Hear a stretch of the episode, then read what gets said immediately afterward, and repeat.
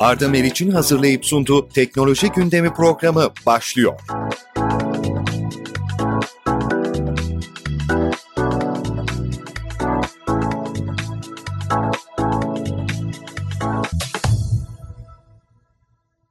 Sevgili dinleyiciler, Türkiye'nin en prestijli iş istasyonundan herkese merhaba. Güncel yaşam ve teknolojiye dair her şeyi konuştuğumuz, gündeme farklı bir bakış açısı getirdiğimiz Arda Meriç ile teknoloji gündemi başlıyor. Ve yine değerli bir konuğumu, ayrıca sevdiğim bir kardeşimi sizlerle bir araya getiriyorum. Karşınızda Previous CDO'su sevgili kardeşim Hamza Şamlıoğlu. Hoş geldin Hamza. Hoş bulduk, merhabalar. Türkiye'de şirketlerin dijital stratejilerinin oluşturulması, IoT ve OT varlıklarına yapılabilecek sızıntılar karşısında alınması gereken önlemler, siber güvenlik eğitimleri, yerli ve milli uygulamaların durumu ve gelişimi, sensörlerle donatılmış olan cihazlarımız manipüle edilebilir mi, salgının şirketler üzerindeki etkileri gibi birçok önemli konuya sevgili kardeşim Hamza Şamlıoğlu ile birlikte program süresince değineceğiz. Ama öncelikle Hamza Şamlıoğlu kimdir, bugüne kadar neler yaptı, günümüzde neler yapıyor ve önümüzdeki yıllar için planları neler?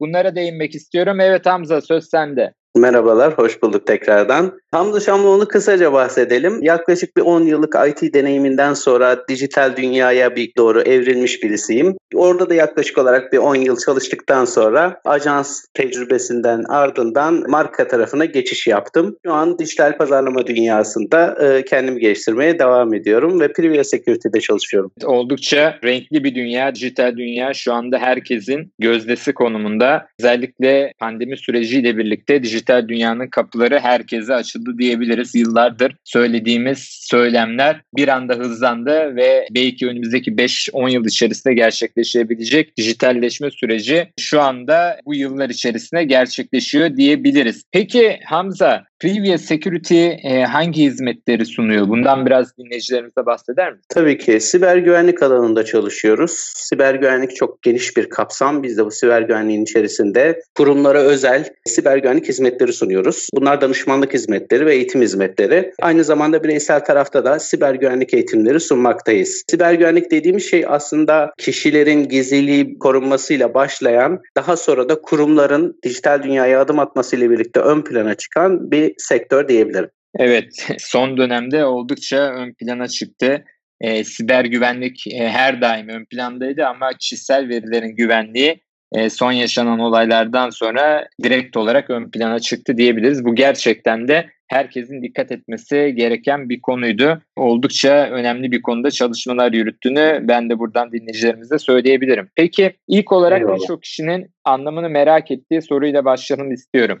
CDO ne anlama geliyor? Şirketler artık biliyorsunuz dijital dünyaya merhaba diyorlar. Bütün hizmetlerini, bütün sunmuş oldukları ürünlerine kadar her şeyi artık dijital dünyadan sunmaya başladılar. Çünkü biz insanlar, biz tüketiciler bütün dünyamızı artık dijitalde yönetiyoruz. Orada sanal bir hayatımız var, sanal bir kimliğimiz var ve offline dünyada ulaşmış olduğumuz hizmet ya da ürünleri artık dijital dünyadan da ulaşabilmeye istiyoruz ki Web 2.0 dediğimiz çift yönlü etkileşimin bizim karşımızdaki o etkisi sayesinde artık milyonlarca insan dijital dünyaya geçiş yapmış durumda. E doğal olarak kurumlar da hatta devletler dahi dijital dünyaya geçiş yapmak zorunda kaldılar. Aşağıdan gelen bir baskıydı ve bu baskıyı karşılamaya çalıştılar. Onlar da yavaş yavaş dijital dünyaya doğru gittiler. Dijital e, dünyaya doğru evrilirken de elbette ki birçok şey çıkıyor. CDO dediğimiz şey de aslında şirketin dijital işlerinden, dijital aktivitelerinden sorumlu kişi diyebiliriz. Yani bilişim teknolojilerinden tutun da satış, pazarlama stratejilerine, iş geliştirme stratejilerine kadar birçok alanda dijital dünyayla bütünleşen bir alan diyebilirim. Evet, kısaca güzel tanımladın. Dijital aktivitelerinden sorumlu yönetici yani e, evet. aslında şu anda tüm şirketlerin dijitalleşme yönünde attığı adımları taşıyabilecek bir pozisyon olduğunu söyleyebiliriz. Öyle değil mi Hamza? Evet, kesinlikle.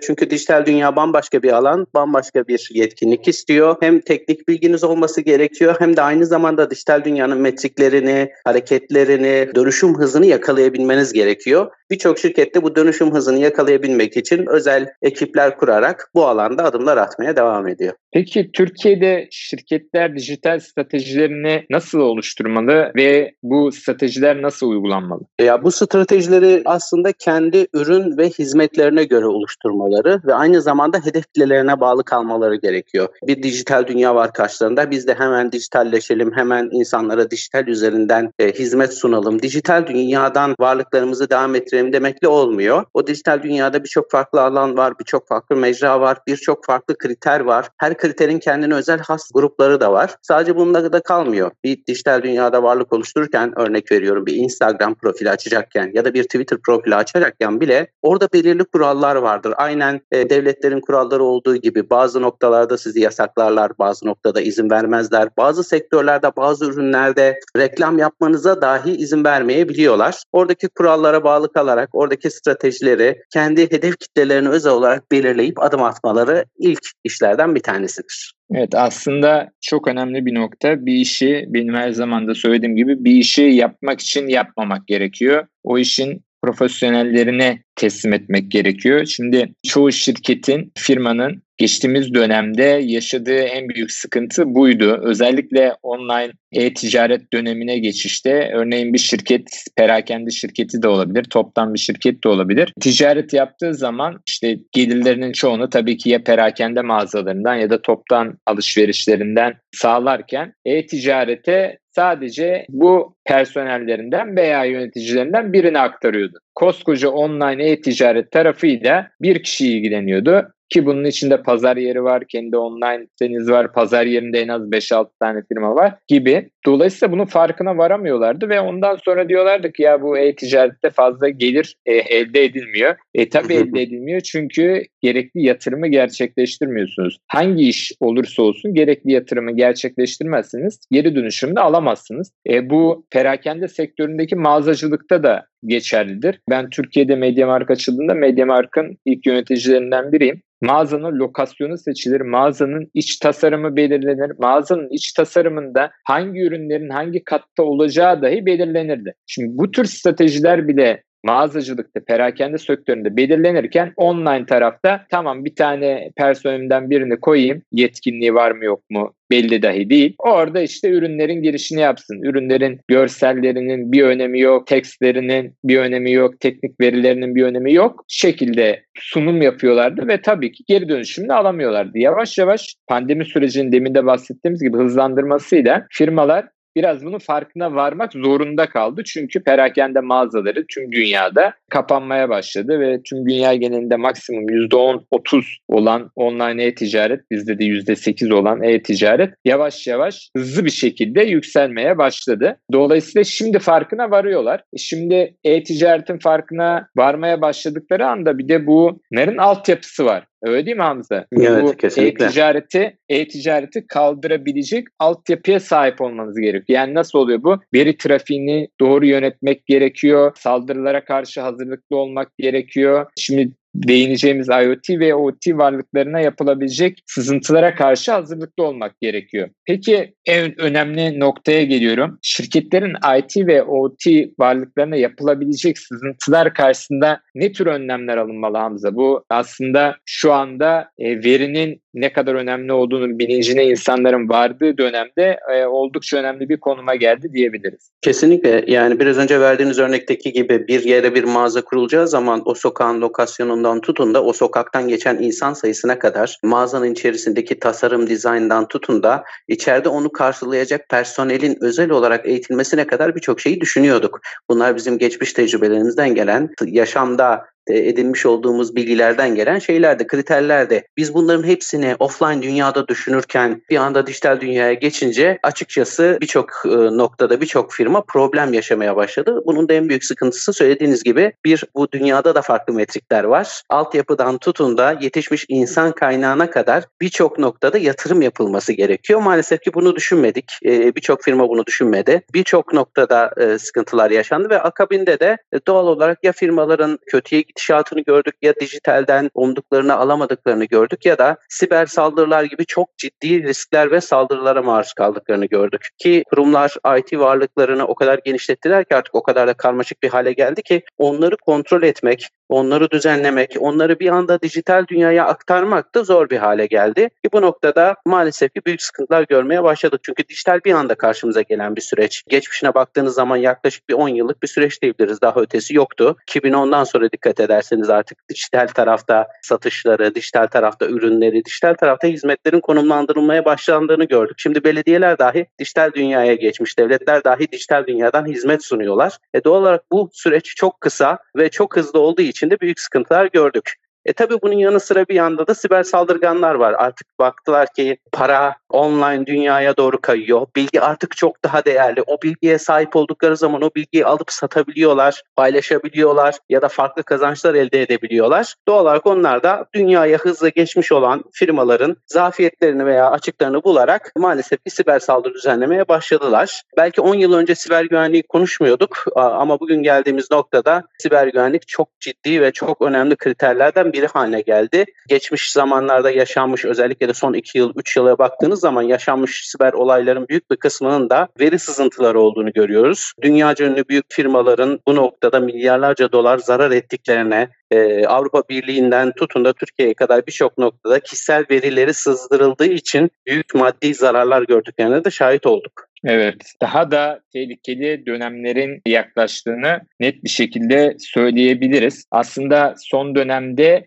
IT tarafında e, yapılan geliştirmelere katkıyı da KVKK'nın sağladığını net bir şekilde söyleyebilirim. Çünkü Avrupa Birliği kriterleri oldukça ağırdı ve firmalar, sarısı firmalar buna göre çalışmalarını yönetiyordu. Yani kullanıcıların, müşterilerin, ziyaretçilerin verilerinin saklama konusunda gerçekten büyük önem ve özen gösteriliyordu. Fakat Türkiye'de bu biraz daha kulak arkası ediliyordu. Ama KVK'nın kurulmasıyla birlikte sevgili dostum Faruk Bilir de bu konuda oldukça hızlı ve büyük adımlar attı. E artık firmalar kendisini koruma altına almak zorunda. Neye karşı? Dışarıdan gelebilecek tehlikelere karşı. Ne için? Müşterilerinin verilerinin ve kendi verilerinin dışarıya sızmaması için. Çünkü KVKK tarafından da ağır yaptırımlar var. Dolayısıyla bunun önlemini e, çok daha önceden alınması gerekiyor. Eğer herhangi bir problemle karşılaşılırsa çünkü olabilir yani ne kadar önlem alırsanız alın problemle karşılaşabilirsiniz. Bunu hemen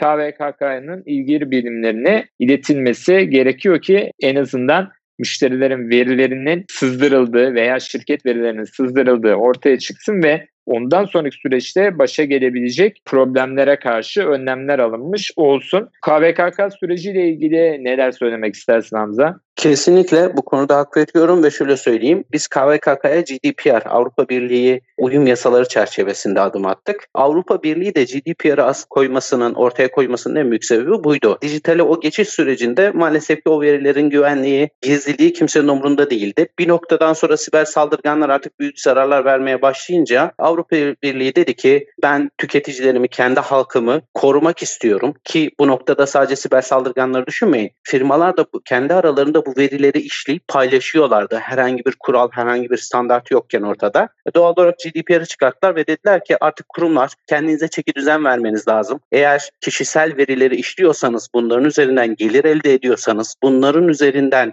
hizmet sunuyorsanız o zaman şu şu şu kurallara uymak zorundasınız deyip belirli kurallar e, ortaya koydular. Türkiye'de de yansıması KVKK ve bence bana sorarsanız KVKK Türkiye'deki en kritik ve en önemli kurumlardan biri haline geldi. Bundan sonra da giderek kritik bir hale gelecek, çok daha önemli bir hale gelecek. Çünkü kişisel veriler gerçekten de çok ciddi bir sorun. Artık bir insanın adını, soyadını aldıkları gibi elektronik ortamda kredi kartı bilgilerini de alıyorlar, cinsiyetini de alıyorlar, siyasi görüşünü de alıyorlar, yönelimlerini, eğilimlerini hemen hemen her şeyini artık alıyorlar. Bunların üzerinden artık kurumlar para kazanıyorlar. Bu verileri işleyerek bu veriler üzerinden yaptıkları pazarlama ve satış faaliyetleriyle para kazanıyorlar. Doğal olarak burada bir kanun olması lazım. Burada bir kriter olması lazım ki hem siber saldırganlara karşı kendimizi korumuş olalım hem de diğer yanda kötü niyetli kişilere karşı kendimizi korumuş olalım. Aksi takdirde o kritik verilerimiz özellikle de kişisel verilerimiz ortalıkta dolaşmaya devam edecektir. Evet aslında çok önemli bir nokta.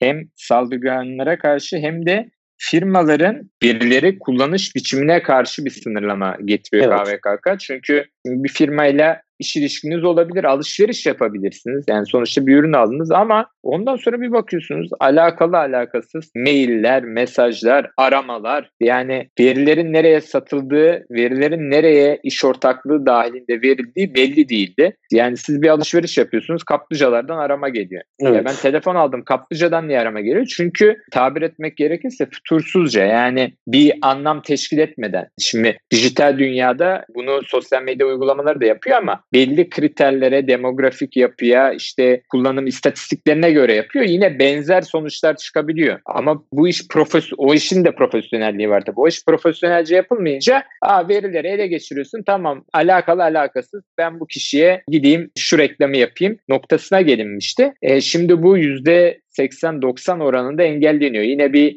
taraftan bilgiler akışı devam ediyor, reklamlar akışı devam ediyor. Ancak maksimum seviyede korunabiliyor. Geçtiğimiz günlerde de zaten bununla ilgili online hizmette açıldı. Sevgili dinleyiciler Arda Meriç teknoloji gündemi tüm hızıyla devam ediyor. Hamza Şamlıoğlu konuğum ve önemli konulara değiniyoruz. Hamza, ileti yönetim sisteminde kaldık. İleti yönetim sistemiyle artık bize gelecek aramaları ve mesajları yönetebiliyoruz. Online olarak yapabiliyoruz. Bu konuyu da biraz açar mısın dinleyicilerimiz için? Tabii artık telefonla bizi rahatsız etmeleri, SMS'le rahatsız etmeleri son bulacak diyebilir miyiz? Evet biraz daha ön plana çıkacak diyebiliriz. Kurumlar artık devlet zorunluluk getirdi. Dedi ki senin bir müşterin varsa buna bir pazarlama faaliyeti yapıyorsan yani onu bir arıyorsan, mesajla rahatsız ediyorsan, bir şekilde ona dokunuyorsan bu kayıtları karşı tarafın iptal edebilmesi, bu izinleri iptal edebilmesi ya da onay verebilmesi gerekiyor. Bunun için de bir kontrol mekanizması kurduk. Biz buna İES,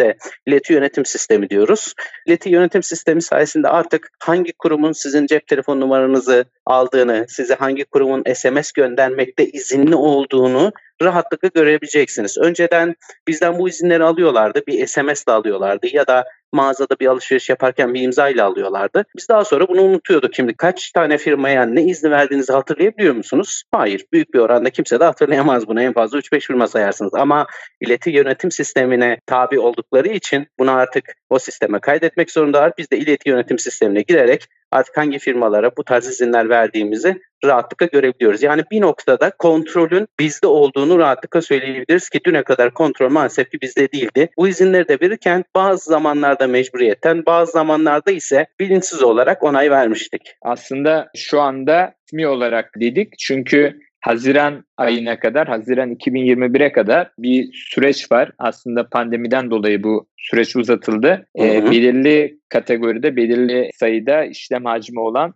firmaların artık İES'ye, yeti yönetim sistemine kayıt zorunluluğu var. E, halen kayıt olmayan firmalar var. Dolayısıyla dinleyicilerimize bazı noktalardan hala mesaj geliyor olabilir ve bunu görüntüleyemeye de olabilirler İES sisteminde. Çünkü kayıt olmamıştır firma. E, ama Haziran 2021 sonuna kadar e, mutlaka kayıt olunması gerekiyor. Yoksa büyük cezaları ve yaptırımları olacak. Dolayısıyla bazı istemsiz mesajlarla karşılaşılabilir ama 2021 Haziran'dan sonra muhtemelen %95-%98 oranında bu iş çözüme kavuşmuş olacak. En azından gelen aramalara ve mesajlara karşı kendimizi koruma altına almış olacağız. Ama tabii bu verilerin nasıl işlendiği, nelere gittiği ile ilgili e, ilerleyen dakikalarda Hamza ile tekrardan bu konuya değineceğiz. Peki Hamza kurumlara özel olarak geliştirilen yazılımlardan dinleyicilerimize biraz bahseder misin? Nedir bu yazılımlar? Tabii e, siber güvenlik alanında kurumlara özel birçok yazılım geliştiriliyor. Kurum ihtiyaçları giderek artıyor biliyorsunuz. Teknoloji sürekli gelişiyor. Halktan gelen, dijital dünyadan gelen bu talepleri karşılayabilmek için de kurumlar birçok noktada dijital uygulamalar kullanmaya başladılar. Düne kadar bu uygulama sadece web sitesiydi. Hemen sonra sonrasında bir mobil uygulamaları görmeye başladık. Ardından ileti yönetim sistemlerinden tutun da e-posta gönderme, pazarlama araçlarına kadar birçok uygulama karşımıza çıktı ve sürekli geliştiği için bu dünya, sürekli yepyeni teknolojiler karşımıza çıktığı için sürekli olarak kurumlar bu noktada yatırım yapmak ve bu uygulamaları kullanmak zorunda kalabiliyorlar. Evet, kurumlara özel geliştirilen yazılımları da e, dikkate almak gerekiyor. Özellikle son dönemde dijital dünyanın demin de bahsettiğimiz gibi farklı bir noktaya gelmesi şirketleri devamlı olarak bu konulara hazırlıklı olmasına öne çıkartıyor, gereklilik sağlıyor diyebiliriz. Peki siber güvenlik sektörü hakkında e, kişisel yorumların nedir senin? E, siber güvenlik sektörü aslında bence henüz daha tüm dünyada yeteri kadar ilgi görmeyen e, ancak gelişmeye devam eden ve ciddiyetini devam ettiren sektörlerden bir tanesi. En önemli sorunu da yetişmiş insan kaynağı problemi.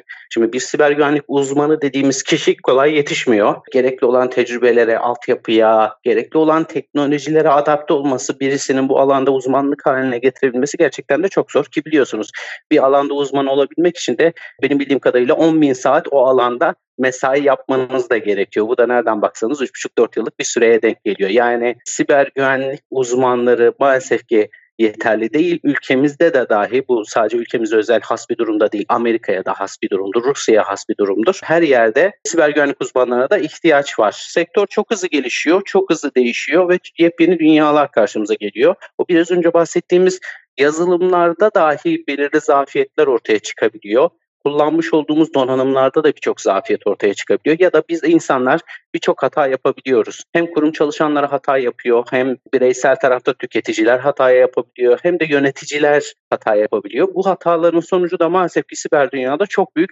olabiliyor. Milyarlarca dolar zarar eden firmalar var. Batacak duruma gelebilecek olan firmalar dahi görebiliyoruz ki bu alana milyonlarca dolar yatırım yapıp da yine hacklenen, yine veri sızıntısına uğrayan firmalarda görmeye başladık ki hatırlarsanız geçen sene veri sızıntıları konusunda dünyaya birçok e, örnek e, aktarıldı ve bu veri sızıntılarından dolayı milyarlarca dolar zarar eden firmalar olduğunu da gördük.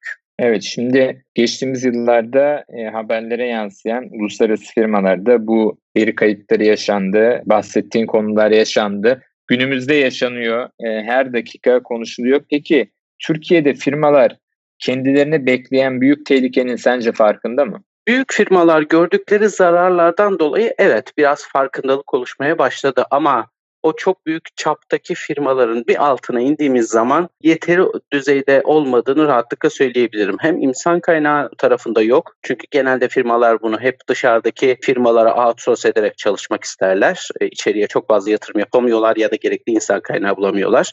Hem de altyapı ve yatırımlar konusunda maalesef ki yeterli değiller. Biz şimdi dijitale evrilelim diye ne yapıyoruz? Altyapımızı geliştiriyoruz, sistemlerimizi geliştiriyoruz, ürün ve hizmetlerimizi dijitale doğru aktarıyoruz, onları evrimleştiriyoruz. Eyvallah ama bir yandan da o dünyada kötü şeyler var, kötü insanlar var, e, kötü hareketli gruplar var veya dış devletler var ya da terörist gruplar var. Bunları hiç düşünmüyoruz. Bunları ne zaman düşünmeye başlıyoruz? Başımıza bir olay geldiği zaman e, düşünmeye başlıyoruz. Maalesef ki bugüne kadar atılan adımların büyük bir kısmı başımıza bir olay geldikten sonra atılan adımlar bu konudaki farkındalık eksikliğimizi de çok net ortaya koyuyor. E, aslında kurumların en önemli eksiklerinden bir tanesi siber güvenlik farkındalığıdır ve ikinci noktada da bilişim okur yazarlığının maalesef ki biraz aşağılarda kalmasıdır. Bunun da sebebi elbette ki sektörün çok hızlı olması, bir anda dijital dünyaya kaymamızdır. E, Covid de bunu tetikledi biliyorsunuz. Düne kadar evden çalışmaya birçok kişi karşıyken bugün hepimiz evimizin bir odasında şu an olduğu gibi oturup uzaktan çalışmaya başladık. Bu ne demek? Artık biz de bütün varlığımızı dijital dünya üzerinden aktarıyoruz ve kurumlara, şirketlere bu ağlar üzerinden ulaşıyoruz. E, bu noktada da siber saldırganların ilgisini çekiyor. Diğer tarafta bizim bu noktada zarar görme olasılığımız da doğal olarak yükseliyor. Siber dünyada maalesef ki bunların henüz e, farkında olunmadığını, ülkemizle beraber birçok ülkede yine bu alanda yatırımlar yapılması gerektiğini altını çizmek isterim. Evet aslında ben siber güvenlik yatırımlarını, kedik siber güvenlik anlayışını e, biraz özel sağlık sigortası ve ev sigortasına benzetiyorum. E, senin de bahsettiğin gibi şimdi araç sigortaları, kaskoları diyeyim, trafik Hı-hı. sigortası zaten zorunlu, kaskoları her araba alındığında otomatik olarak yapılıyor. Aslında zorunlu olmadığı halde. Kaskolarda yapılıyor. Fakat ev sigortası veya sağlık, özel sağlık sigortasına gelindiği zaman sanki o çok gereksiz bir masraf gibi görülüyor. Fakat senin söylediğin gibi başa geldikten sonra ilk yaptırılan şey oluyor. Yani Kesinlikle. bir kol kırıldığında bir daha farklı bir hastalık söz konusu olduğunda hastane masrafıyla karşılaştığınız zaman diyorsunuz ki keşke yaptırsaydım veya daha iyi bir hizmet almak istediğinizde ben nasıl bunu yaptırmadım diyorsunuz veya evinizi su bastığında eşyalarınız büyük zarar gördüğünde elektronik eşyalarınız özellikle veya sakladığınız ürünler zarar gördüğünde ah keşke yaptırsaydım diyorsunuz. Ama bu hep iş işten geçtikten sonra oluyor. İşte siber güvenlikte de durum bu. Özellikle senin altını çizdiğin uluslararası firmalar değil, KOBİ tarzında olan firmalarda. Çünkü belirli bir bütçeleri var.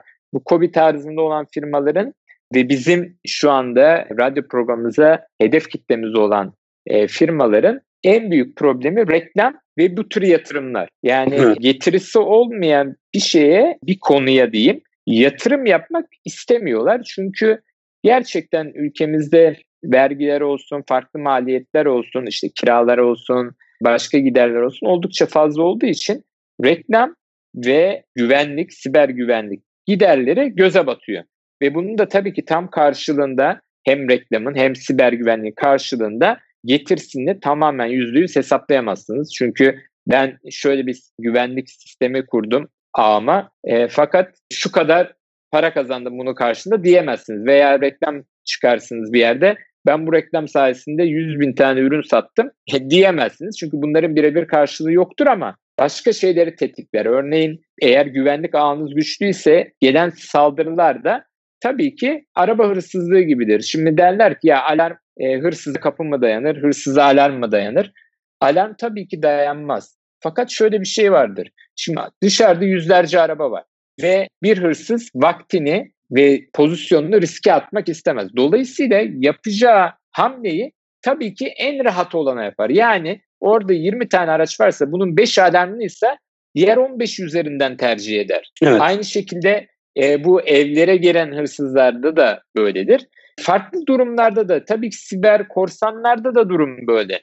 Yani güvenlik ağı çok onu yoracaksa, çok vakit kaybettirecekse yüzlerce vakit kaybettirmeyecek firma var. Dolayısıyla o firmaya fazla bulaşmaz. Doğru değil mi Hamza? Kesinlikle yani bir hırsız benzetmesini takdir ettim. Gayet güzel bir benzetme oldu. Aslında çok bir farkı yok dediğiniz gibi. Şimdi benim kapım 9,5 santim kalınlığında çelik kapı. Ben buna gittim binlerce lira para verdim e, ve bir sürü uğraşlarla yaptırabildim. Şimdi karşı komşumun kapısı ahşap kapı. Şimdi hırsız geldiği zaman 9,5 santimlik kapıyı mı açmak ister? Karşı tarafta bir omuz vurup içeriye girebileceği ahşap kapıyı mı dener? Yani mesele burada. Aslında birinci nokta burada. Hedef olmamak diyoruz biz buna. Hedef olmamanız için en önemli kriterlerden bir tanesi bu. Bu yatırımı yapmak zorundasınız. Yani oraya 9,5 santimlik kapı koyuyorsunuz ama hırsız açamaz mı? Hayır açar. İstediği zaman açar. Hem de e, çok güzel bir şekilde açabilir. Ama adam şunu düşünüyor. Ben bu 9,5 santim kapıyı uğraşırken alarm çalabilir, ses duyabilirler, apartmandan biri yukarıdan aşağı iniyorken denk gelebilir. Ben burada uğraşıp yakalanma riskimi ortadan kaldırmam lazım deyip karşı taraftaki ahşap kapıya yüklenir. Siber dünyada da durum budur. Birinci öncelik hedef olmamak. İkinci nokta ise hedef olmak. Eğer hedefseniz, burada da şunun altını çizelim.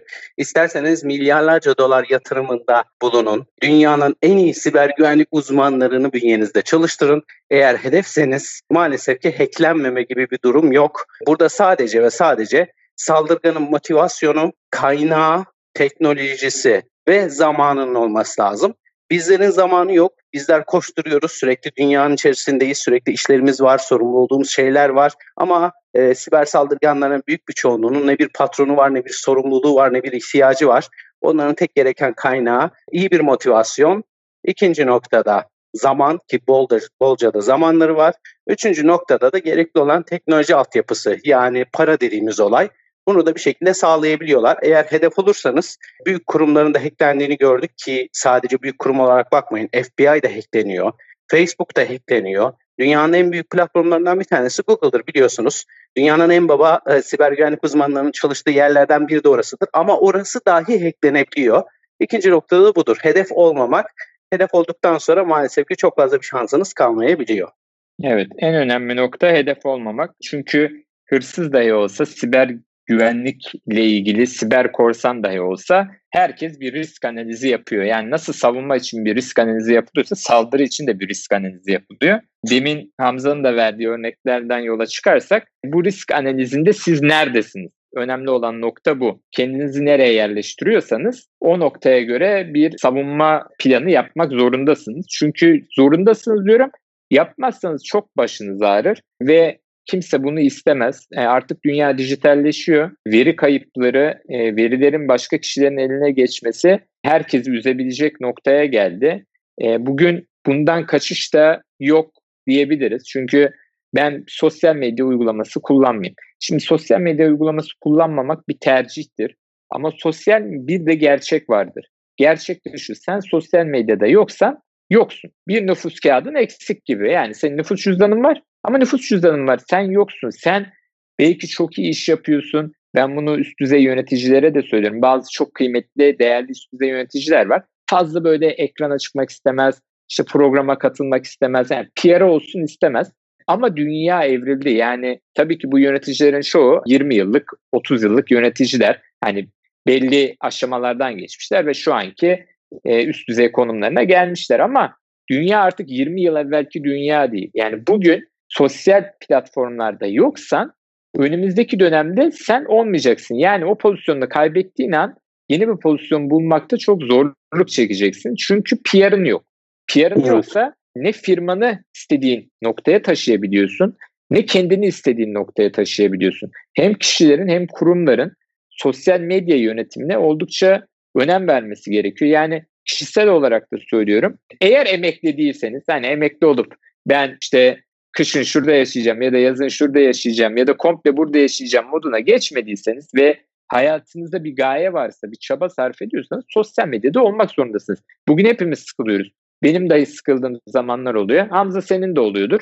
E, ama olmak zorunda olduğumuz noktalar var. İnsanlara belirtmek istediğimiz faydalar var. Biz bu noktalarda olmazsak, örneğin ben hürriyette yazmazsam, radyo programında yapmazsam, sosyal medyada bunları aktarmazsam birçok kişi bu bilgilere sahip olamayacak. Hamza'nın aktardığı bilgilere sahip olamayacak. Dolayısıyla genel bir kayıp da söz konusu oluyor. Hani bencilliğe de kayıyor baktığımız zaman ama tabii ki tercih meselesidir ama bu tercihler yapılırken herkesin bazı şeyleri göz önüne alması gerekiyor. Bu da sosyal medyanın bu da bir risk analizidir. Sosyal medyada olmanın getirisi olmamanın götürüsüyle kafanızda analiz etmeniz gerekiyor. Buna göre pozisyon belirleyip artık hangi noktada durmanız gerektiğini e, kendinizin seçmesi gerekiyor. Bu da çok önemli bir nokta olarak notlarımız arasına düşelim istedim. Sevgili dinleyiciler Arda Meriç'te teknoloji gündemi tüm hızıyla devam ediyor. Konuğum Hamza Şamlıoğlu bize önemli bilgiler açıklıyor. Siber güvenlikle ilgili nasıl savunma yapılmalı, verilerimiz nasıl saklanmalı, şirketimizi nasıl daha iyi konumda tutarız, kendimizin kişisel kullanımını nasıl daha iyi konumda tutarız bunları konuşuyoruz. Şimdi gelelim Hamza son günlerin oldukça konuşulan konusuna gündemi uzun bir süredir meşgul eden ve benim de geçtiğimiz programlarda değindiğim sosyal medya ve mesajlaşma uygulamalarına. Geçtiğimiz programda BIP CEO'su sevgili dostum Burak Akıncı ile bu konuyu detaylı olarak dinleyicilerimize aktardık. Bir CDO olarak senin bu konuya bakış açında dinleyicilerimiz için oldukça önemli. WhatsApp gündeme gelen, WhatsApp'la birlikte gündeme gelen gizlilik sözleşmesiyle kullanıcılardan tam olarak ne talep ediyor? Daha da önemlisi diğer Avrupa ülkelerinden de böyle bir talebe oldu mu? Çünkü asıl çıkış noktası da buydu. Avrupa Birliği ülkelerinden bizden, bizim ülkemizdeki kullanıcılardan istediği izinleri istemedi gibi bir algı oluştu. Bu doğru mu? Asıl sorun buradan mı ortaya çıkıyor? Bu bilgileri senden alalım istiyor. Tabii. Şimdi siber güvenliğin gizlilik dünyasına doğru kayıyoruz. Onu kısaca özetlemek isterim. Şimdi siber güvenlik dediğimiz şey verinin gizliliğinin, bütünlüğünün ve erişilebilirlik olduğunu bileşenlerinin korunmasıdır. Yani verinin bir şekilde gizli olacak. Üçüncü kişiler tarafından hiçbir şekilde elde edilemeyecek. İkincisi erişilebilir olacak. Yani o veriye ulaşmam gerekiyorsa ben o veriye ulaşacağım. Örnek veriyorum. Ben bir kurumum internet bağlantım var. Bir DDoS saldırısı geldiği zaman ne olur? Benim internet benim tamamen devre dışı kalır, network'üm devre dışı kalır. Hizmet veremez hale gelebilirim değil mi? İşte erişebilirlik dediğimiz şey de bu. Bütünlük dediğimiz şey ise o verinin içine bir şeyin eklenip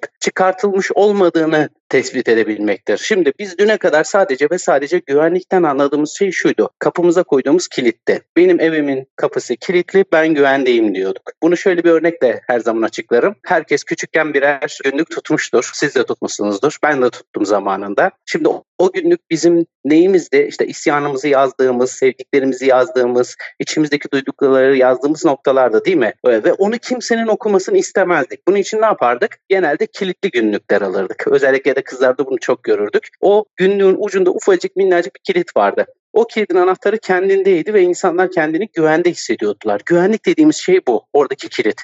Gizlilik dediğimiz şey bambaşka bir şey. O ajandanın içerisinde yazılanların alıp birileri tarafından okunması, işlenmesi veya paylaşılması. Yani düşünsenize şimdi güvenlik tarafı okey ama gizlilik tarafında soru işaretlerimiz var. WhatsApp'ın yaptığı da bu aslında. Şimdi reklamlarda dikkat ederseniz hep şunu söylüyor. Diyor ki güvendesiniz. İletişiminiz her tarafta şifreli ve üçüncü kişiler araya girip bunu kıramazlar. Doğru mu? Doğru. Çünkü Signal gibi gerçekten de takdir ettiğim güzel bir iletişim e, altyapısını kullanıyorlar. Yani oraya koymuş oldukları kilit gerçekten de sağlam. Burada bir sıkıntı yok ama ne diyorlar sözleşmede bize?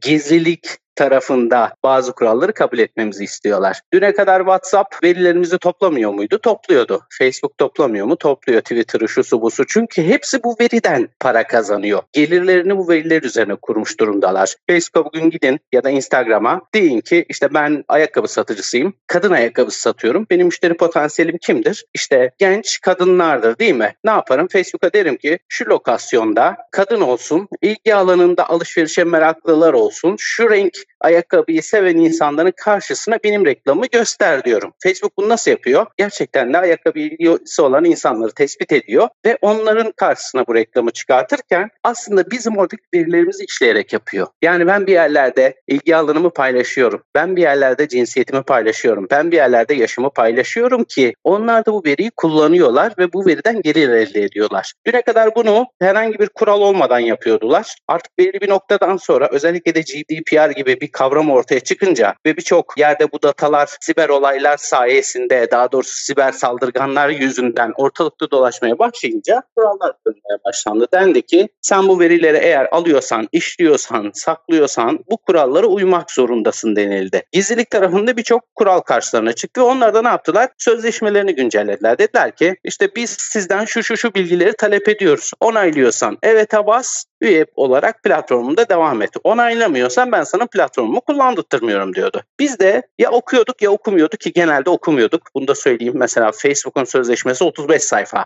Facebook'ta hangimiz 35 sayfayı yukarıdan aşağıya çatır çatır okuyacak da onay verecek? Hiç kimse. Hadi okudunuz. Bir kere okumayla da olmuyor. Orada öyle cümleler kuruyorlar ki ucunun nereye gittiğini de bilemiyorsunuz. Doğal olarak bunları anlayabilmek lazım. Ona göre karar vermek lazım ama elinde sonunda siz bu sözleşmeyi okusanız da okumasanız da anlasanız da anlamasanız da size bu sözleşmeyi dayatıyor. Arkadaş ben bu verileri alacağım, kopyalayacağım, kullanacağım, satacağım, paylaşacağım. Senden de bunun iznini talep ediyorum. Eğer vermezsen bu izni hayır kusura bakma sana platformu kullandırtmıyorum şeklinde kurallar koymaya başladılar. E WhatsApp'ın yaptığına gelecek olursak işte WhatsApp da bunu yapıyor. Biliyorsunuz WhatsApp'ın sahibi Facebook. Sadece WhatsApp'ta değil Facebook platformu, Facebook Messenger'da onun. Döndüğümüz zaman WhatsApp'la beraber Instagram'da onun. Yani indirdiğimiz her 5-6 uygulamanın 4 tanesi Facebook'a ait. Dedi ki Facebook ben bu verileri alacağım, kendi platformların arasında paylaşacağım ve aynı zamanda işleyeceğim bu verileri. Gerekirse satacağım, gerekirse reklam yapacağım vesaire. E, bunu yapmaya başladığı anda ilk olarak Avrupa Birliği karşılarına bir duvar gibi çıktı. Dediler ki arkadaş sen bu verileri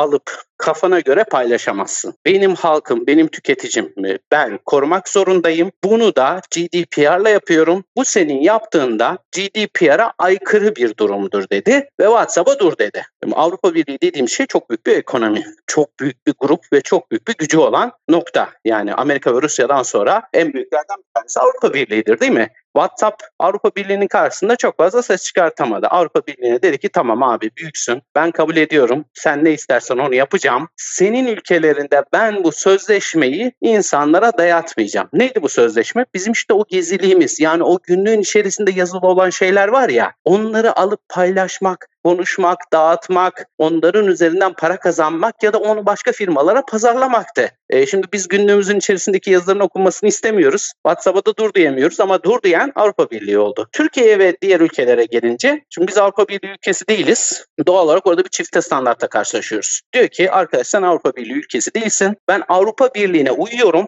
ama sana uymuyorum. Seni de hani umursamıyorum kafasına gittiler. Bu sözleşmeyi bize dayattılar. Bu sözleşme bize dayatılınca biraz daha işte o dijital dünyanın güzel taraflarından bir tanesi. O insanlar artık isyan edebiliyorlar ya artık birlikte toplanıp bir görüş altında birleşip herhangi bir gücümüz olmasa bile bir topluluk haline geldiğimiz zaman büyük bir güç haline gelebiliyoruz ya. İşte o güç sayesinde insanlar e, artık WhatsApp'ı silmeye başladılar. Telegram, Signal gibi alternatif dünyaya kaymaya başlayınca WhatsApp hemen araya girmeye başladı ve bazı küçük reklamlarla bazı reklamlarla önümüze çıkıp biz sizin güvenliğinizi koruyoruz. Biz sizin güvenliğinize herhangi bir sıkıntı yaratmayacağız şeklinde biz biraz manipüle etmeye çalıştılar. Yani güvenlik tarafına işi vurup aslında gizlilik tarafında bu sözleşmenin bize bir zarar vermeyeceğini, bize bir sıkıntı doğurmayacağını söylemeye başladılar. Fakat gördüğümüz kadarıyla şunu söyleyelim. Bu bir çifte standarttır ve sadece bu çifte standardı Türkiye'ye değil, Avrupa Birliği olmayan bütün ülkelere sağlıyorlar. Hindistan da bunlardan bir tanesidir. Mesela Hindistan dediğimiz ülke WhatsApp'ın en büyük kullanıcı potansiyeli olan yerlerden bir tanesi. Yani gerçekten de orada WhatsApp'ın çok büyük bir kullanıcı kitlesi var. Orada da benzer protestolar, benzer isyanlar, benzer paylaşımlar görüyoruz. Orada da WhatsApp buna karşın gazete ilanlarına kadar adım atmış durumda. Yani biz sizin güvenliğinizi koruyoruz, biz size bir şey yapmayacağız, biz sizin gizliliğinizden sorumluyuz vesaire gibi ön plana çıkmaya çalışıyor. Ama son adımda ne oldu? Bu Mayıs'a ertelendi. WhatsApp bir açıklama yaptı. Bir Mayıs'a ertelendiğini söyledi. Bunun da en büyük sebebi insanların belki bilinçli, bilinçli belki bilinçsiz. Ben bilinçsiz diyorum. Genelde birçok insan işte o gizlilik bileşeni olduğunun farkında değildi. Herkes şunu zannediyordu. Ya benim verilerime herkes ulaşacak. Benim verilerimi isteyen okuyacak gibi bir algı oluşmaya başlayınca insanlar bir anda kaçtılar. Çünkü bizim orada paylaştığımız şeyleri kimsenin okumasını istemeyiz. Kimsenin dokunmasını istemeyiz. Kimsenin görmesini istemeyiz. Belki çok büyük şeyler paylaşmıyoruz. Belki çok özel şeyler de paylaşmıyoruz ama işin içerisine birinin üçüncü bir gözün gelip onu okuyacağı durum algısı ortaya çıkınca insanlar otomatikman tepki koydular ve bu büyük tepki sayesinde WhatsApp'tan büyük bir kaçış olduğunu farkında olsa gerek ki Mayıs ayına kadar ertelediler. Bana sorarsanız doğal bir tepkiydi, olması gereken bir tepkiydi, hatta geç kalınmış bir tepkiydi. E, dijital dünya sayesinde artık bu tarz durumları çok daha rahat öğrenebiliyoruz ve çok daha güzel şekilde bunlara karşı tepkimizi koyabiliyoruz. Evet aslında geçtiğimiz programda e, Burak'la konuşurken bahsetmiştim. Şimdi e, sen de değindin aslında bu verileri daha önce alıp almadığı ile ilgili çok net bir bilgimiz yok. Çünkü gerek KVKK gerek Avrupa Birliği yaptırımları sürecinde ortaya çıkan bazı maddeler sonrasında ortaya çıkan cezalara karşı kendine önlem almak amacıyla aslında daha önce yaptığı işi legalize ettiğini söyleyebiliriz WhatsApp'ın. Evet. Yani bunu zaten evet. yapıyordu ama artık geçmişte yediği cezalardan dolayı e, yeniden bu tür cezalara maruz kalmamak adına ben bunu sözleşme güncellemesiyle kullanıcılara sunayım. Çoğu kişi de zaten evet deyip geçer ben de ceza yemekten kurtulurum dedi. Ama Avrupa Birliği buna Avrupa Birliği olarak engel oldu. Türkiye'de tabii Türkiye'de engel olmadı değil. Ortaya çıktıktan sonra ilgili kurumlar bununla ilgili zaten görüşmelere başladı. Belki de Mayıs ayında WhatsApp bunu e, yürürlüğe koyacağını söylüyor ama belki de erişim engeli gelecek bu yürürlüğe girerse. E, ve WhatsApp bir geri adım daha atmak zorunda kalacak ama ben şunu da söylemek istiyorum. Tabii ki ücretsiz kullanılan bir uygulama. Her zaman söylediğimiz bir söz var. Eğer bir ürün size ücretsiz sunuluyorsa ürün sizsiniz de açıktır ve nettir. Çünkü kullandığınız ürünün maliyetleri var. Bunun arka planında çalışanlarından tutun serverlarına kadar çok büyük milyarlarca dolarlık maliyetler var. Bunu bir türlü bu firmanın karşılaması gerekiyor. Rekabet kurumunun ortaya girecek bir şey de yok. Çünkü rakip ürünler var, benzer ürünler var, daha iyi olanları var. Bence kullanıcılar bazı şeylerin farkına varıp yani bu mesela Avrupa Birliği'ne farklı ülkelere tabii Hindistan dediğimiz e, ülke Avrupa Birliği'nden çok daha önemli. E, neden evet. milyarlarca insan var. E, muhtemelen de kitlesi daha fazladır WhatsApp'ın Hindistan'da. Çünkü Çin'de WeChat kullanıldığı için orada hükmü yok WhatsApp'ın. E, kullanıldığı diğer büyük ülke tabii ki Hindistan'dır. Dolayısıyla Hindistan'da da bu cesareti gösterip yapabildiyse demek ki bazı şeyleri ya tutarsa olarak yapıyor. Ondan sonra geri adım atıyor. Bu da ticari olarak gayet normal karşılıyorum ben bunu ama kullanıcılar olarak e, yapmamız gereken yerli ve milli uygulamalara yönelmek olduğunu düşünüyorum ben. Kişilerden şöyle sorular da geliyor. Aslında güzel açıkladın. Uçtan uca şifreleme ne manaya geliyor? Şöyle bir değindin. Gizlilikle güvenlik farklı şeyler. Sizin güvenliğinizi sağlayabilir. Verileriniz çalınmayabilir ama kendisi kullanabilir. Yani kendisi tabii ki hani sizi mağdur edecek şekilde değil ama belki de karşınıza yarın çıkacak bir reklam şeklinde kullanabilir. Siz bunu istiniz istemez misiniz? Bu tartışılır. Aslında bunu sunuyor. Yani ben burada da çok kızmıyorum. Bu çıktı. Ha, bu yazıyı gördüm. Tamam o zaman bundan sonra ben bunu kullanmayacağım deyip tak çıkabiliriz. Yani bunu çok da büyütmeye ben gerek olduğunu düşünmüyorum. Eğer bir firma çifte standart yapıyorsa özellikle çifte standart yapıyorsa ve size uygun olmayan, olmayacağını düşündüğünüz bir maddeyi karşınıza koyuyorsa bunu kabul etmeyeceksiniz ve farklı uygulama kullanacaksınız. Çevrenizdekilere diyeceksiniz ki güzel arkadaşlarım, dostlarım, iş arkadaşlarım ben bu uygulamayı kullanmıyorum. Artık bunu kullanıyorum. Yarın o da mı yaptı? Onu da kullanmıyorum, bunu kullanıyorum. Çünkü bu bizi temsil eden bir uygulama değil. Bunlar birer araç. Yani evet. e, bunlar hiçbir olmasa kısa mesaj kullanırsınız. Hepsinin gizliliği ve güvenliği sorgulanabilir. Hepsi birilerine bir şey veriyor olabilir. Çünkü hiçbirinin sahibi e, kullanıcılar değil. E, bu soru her zaman, bu paranoya her zaman kafada olur. Ama biri de size ben bunu zaten yapacağım diyorsa çok da üstüne gitmeye gerek yok. Açıkça söylüyor artık hani bu tamamen demek ki risk olayına geliyor. Risk analizi yap. Ben kullanılmasın ve kullanılmasını istemiyorum. Dolayısıyla ben bu uygulamayı kullanmıyorum. Bu kadar basit. Çok da büyütülecek bir şey yok. İstemesini ben garipsemiyorum ama çifte standart yapmasını ayıplıyorum diyeyim. Çünkü firmanın gelir elde etmesi gerekiyor. Sonuçta bir kamu kurumu değil. Daha önce de söyledim bunu. Tabii ki farklı yollarla gelir elde etmesi gerekiyor. Milyarlarca dolarlık yatırım yapılmış. İşte 19 milyar dolara satın alınmış bir firmadan bahsediyoruz. E, 2014 yılında. Yani tabii ki bunun bir getirisi olması gerekiyor satın alan firma. Dolayısıyla e, kullanıcıların özgürce hareket ederken bazılara dikkat etmesi gerekiyor.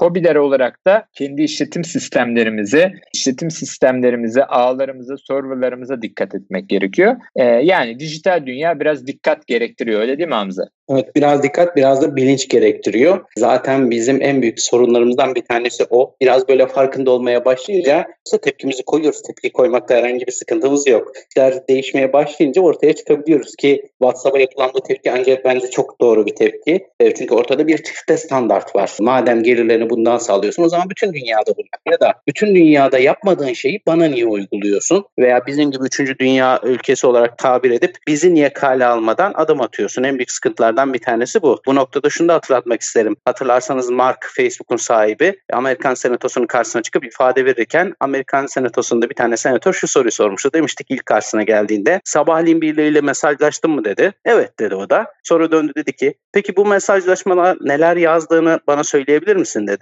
Mark döndü. Yok hayır dedi. O bizim kendi özel yazışmamız. Ee, ama ben bunu görmek istiyorum deyince Mark hayır ben bunu burada paylaşamam herkese açık olarak demişti. Sonra dönüp sözleşmeyi önüne koymuştu. Demişti ki sen bu sözleşmede bizden istediğin şey bu. Ee, biz niye bunu kabul etmek zorundayız? Şimdi Büyük bir güç olduğunuz zaman gerçekten de engellemek kolay ama büyük bir gücünüz yoksa Avrupa Birliği gibi maalesef ki bu tarz çifte standartlarla karşılaşabiliyoruz. Orada da sizin de söylediğiniz gibi eğer güvenliğinizden, gizliliğinizden endişe duyuyorsanız o zaman bırakırsınız bunu başka bir alternatifine geçersiniz. Mesela Telegram çok güzel alternatiflerden bir tanesidir. Hatta onun hikayesi de çok enteresandır. Telegram'ın biliyorsunuz genelde herkes Rus olarak bilir. Putin'den çok büyük bir baskı gördüklerini ve en sonunda Birleşik Arap Emirlikleri'ne kaçtıklarını da altını çizelim. Şimdi sınıfı giriyordu. E, doğal olarak Putin de bu verileri erişmek istiyordu. Yani işi sadece pazarlama verisi olarak da düşünmeyin. Bunun içerisine istihbarat örgütleri de giriyor. Devletler de giriyor. Bunun işin içerisinde artık manipülasyon ve dezenformasyon diye bir şeyi konuşmaya başlıyoruz.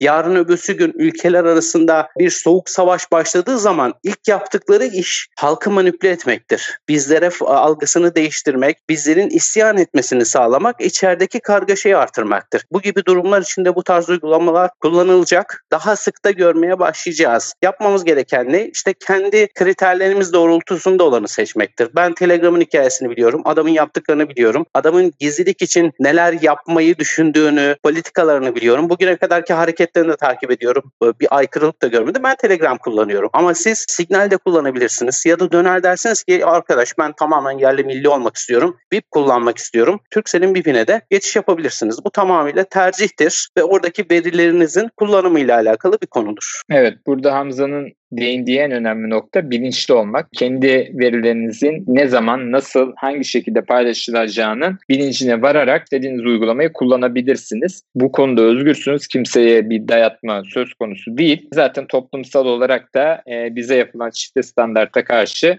gerekli tepkiyi de göstermiş olduk. Programımızın sonuna doğru gelirken programa değer kattığım ve değerli bilgilerini sevgili dinleyicilerimize paylaştığın için çok teşekkür ederim. Hem keyifli hem de değerli bir sohbetti. Son olarak İş Dünyası'nın prestijli radyosunun dinleyicilerine genel manada aktarmak istediklerim varsa serbest olarak dinleyicilerimize paylaşabilirsin. Hemen arkasından programın kapanışına geçeceğiz. Ben çok teşekkür ederim bu fırsatı verdiğiniz için. Dinleyicilerimize de çok çok teşekkür ederim bizi bu saate kadar dinledikleri için. Benim söyleyeceklerim bu kadardı. Her zaman da e, şunu tavsiye ederim. Bilinçli olalım. Farkında olalım. Özellikle de bilgi güvenliği farkındalığı elde edelim. Bunun için de ilk yapmamız gereken adım bilişim okuryazarlığıdır. Ee, bilişimi çok hızlı tüketiyoruz. Bilişim dünyasına çok hızlı gidiyoruz. Özellikle de o teknolojik aletleri hiçbir şekilde kullanabiliyoruz ama bizim ilk yaptığımız şey her zaman kullanmak, tüketmek. Hayır. İlk yapmamız gereken şey farkında olmak ve bilgi güvenliği kavramına hakim olabilmektir. Bunun için profesör olmanıza gerek yok. Bunun için siber güvenlik uzmanı olmanıza gerek yok. Bunun için başka bir şey olmanıza da gerek yok. Ee, sadece ve sadece şu soruyu kendinize sormanız yeterli. Ben sokakta yapmayacağım bir hareketi burada yapmamalıyım. Şimdi Facebook açtınız, kullanıyorsunuz ee, ve bir sürü paylaşım yapıyorsunuz. Orada her zaman şu örneği veririm. Sokakta hiç tanımadığım bir kızın karşısına bir anda çıkıp merhaba akşam nerede hangi kahvede kahve içiyorsun diye sorsam ne cevap verir? Doğal olarak çantayı suratıma yerim değil mi? Ya da sapık manyak falan gibi bir tepkiyle karşılaşırım. Ama aynı kız dijital dünyanın başına geçtiği zaman Twitter'da akşam Pozeta Starbucks'ta kahve içiyorum diye paylaşım yapabiliyor. Hem de yüz binlerce takipçisine. İşte sormamız gereken soru bu. Farkında olmak. Ben bunu gerçek hayatta yapar mıydım, yapmaz mıydım? Ben buradan paylaştığım veriyi gerçek hayatta paylaşır mıydım, paylaşmaz mıydım? Bu sorunun cevabı sanıyorum ki o bilgi güvenliği farkındalığını o e, bilişim okur yazarlığı tarafındaki farkındalığımızı biraz artıracak bir konudur. Buna dikkat etmek yeterlidir. Teknoloji dünyasında bilinçli olmak fayda olduğunu Hamza da bizleri bir defa da aktarmış oldu. Sevgili dinleyiciler, Türkiye'nin en prestijli iş istasyonu Endüstri Radyo'da Arda Meriç'te teknoloji gündemi bugün sona eriyor. Arda Meriç'te teknoloji gündemi resmi mobil uygulamamızı ve içerisindeki sürprizleri takip etmeyi unutmayın. Önümüzdeki programda yine değerli bir konumla birlikte sizlerle bir araya gelmek üzere. Şimdilik hoşçakalın, sağlıkla America